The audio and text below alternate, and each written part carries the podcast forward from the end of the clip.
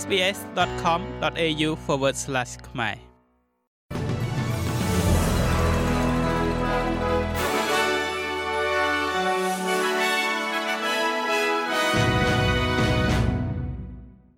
សូមស្វាគមន៍មកកាន់នេតិព័ត៌មានខ្លីៗរបស់ SBS ខ្មែរសម្រាប់ថ្ងៃប្រហ័សទី2ខែវិច្ឆិកាឆ្នាំ2023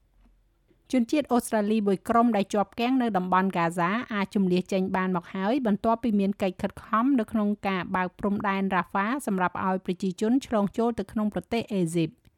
ក្រសួងការបរទេសនិងពាណិជ្ជកម្មបានបញ្ជាក់ថាជនជាតិអូស្ត្រាលី20នាក់បានចាក់ចេញពីតំបន់ប៉ាឡេស្ទីនតាមរយៈការឆ្លងចូលទៅក្នុងប្រទេសអេស៊ីបមនុស្ស3នាក់បន្ថែមទៀតដែលបានចុះឈ្មោះជាមួយនឹង DFAT ក៏បានឆ្លងកាត់មកផងដែរ បណ្ដាញព័ត៌មាន Al Jazeera បានរាយការណ៍ពីតួលេខខ្ពស់ជាងនេះដែលជនជាតិអូស្ត្រាលី34នាក់បានឆ្លងកាត់នៅ Rafah កាលពីថ្ងៃពុធកាតាបានចុះកិច្ចព្រមព្រៀងរវាងអេស៊ីប Hamas និងអ៊ីស្រាអែលដែលសម្របសម្រួលដោយសហរដ្ឋអាមេរិកសម្រាប់ការបើកព្រំដែននេះ។វាបានអនុញ្ញាតឲ្យជនជាតិអូស្ត្រាលីនិងជនបរទេសផ្សេងទៀតអាចគេចចេញពីតំបន់ Gaza Strip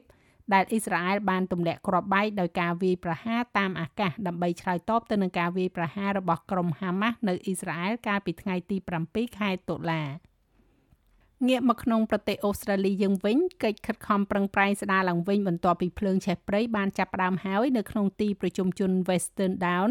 នៃទីក្រុង Tara ដោយអ្នកស្រុកនៅក្នុងតំបន់នេះត្រូវបានប្រាប់ថាពួកគេអាចវិលត្រឡប់មកវិញបានដោយប្រុងប្រយ័ត្ន ខណៈដែលនៅតែមានសេចក្តីជូនដំណឹងអំពីការឃ្លាំមើលនិងចាត់សកម្មភាព Watch and X នៅតែមានសម្រាប់ភ្លើងឆេះចំនួន6កន្លែងទៀតនៅទូទាំងរដ្ឋ Queensland អញ្ញាធរគ្រីអាសន្នបាននិយាយថាភ្លើងនៅ Thara ស្ថិតនៅក្នុងជួរទប់ស្កាត់ជាប់ហើយនឹងបន្តឆេះជាច្រើនថ្ងៃទៀតមនុស្សមួយចំនួននឹងធ្វើការវាយតម្លៃទ្រព្យសម្បត្តិរបស់ពួកគេជាលើកដំបូងចាប់តាំងពីអគិភ័យបានកើតឡើងជាលើកទី1កាលពីសប្តាហ៍មុន មនុស្សជាច្រើនបានបាត់បង់នៅអវយវ័យទាំងអស់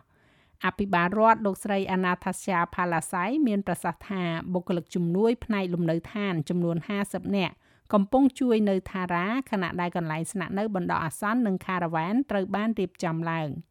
លោក Jed Elwood នាយកប្រតិបត្តិនៃទីភ្នាក់ងារស្ថាបនាឡើងវិញនៃរដ្ឋ Queensland នឹងទៅទស្សនាតំបន់ដែលរងផលប៉ះពាល់នេះនៅសប្តាហ៍ក្រោយ ចុងក្រោយនេះពាក់ព័ន្ធជាមួយនឹងបុគ្គលិកនៅមណ្ឌលមើលថែទាំមនុស្សចាស់ Aged Care ក្រុមប្រឹក្សាព្រឹទ្ធបរិះនៃវិជាសាស្ត្រសុខាភិបាលអូស្ត្រាលីនិយាយថាអ្នកជំនាញសុខភាពជាង25,000នាក់នឹងត្រូវចាប់ផ្ដើមវគ្គបណ្ដុះបណ្ដាលភ្លាមៗដើម្បីបំពេញនៅតម្រូវការដែលកំពុងតែកើនឡើងសម្រាប់បុគ្គលិកមើលថែទាំមនុស្សចាស់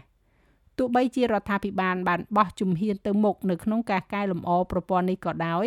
ក្រុមប្រឹក្សាព្រឹទ្ធបរិះបាននិយាយថាប្រជាជនអូស្ត្រាលីដែលស្ថិតនៅក្នុងមណ្ឌល Aged Care កំពុងទទួលបានការថែទាំសុខភាពជាសម្ព័ន្ធជាមធ្យមចំនួន8នាទីក្នុងមួយថ្ងៃ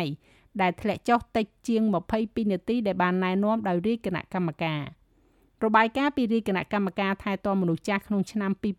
2021បានរកឃើញគុណវិបត្តិជាមូលដ្ឋាននិងជាប្រព័ន្ធនៅក្នុងវិស័យនេះដែលបានធ្វើឲ្យប្រជាជនអូស្ត្រាលីវ័យចំណាស់ ទទួលនឹងការថែទាំក្រោមកម្រិតស្តង់ដារការរំលោភបំពាននិងការមិនយកចិត្តទុកដាក់ជាមួយនឹងជនជាតិអូស្ត្រាលីដែលមានសិទ្ធិទទួលបានសេវាថែទាំមនុស្សចាស់ដែលគេរំពឹងថានឹងកើនឡើង ពី4លាន350,000នាក់ទៅ5លាន650,000នាក់ក្នុងទសវត្សរ៍ក្រោយនោះ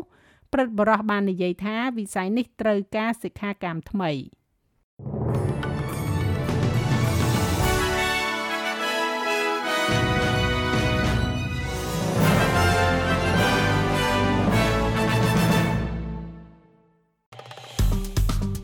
ចុច like share comment និង follow SPS ខ្មែរនៅលើ Facebook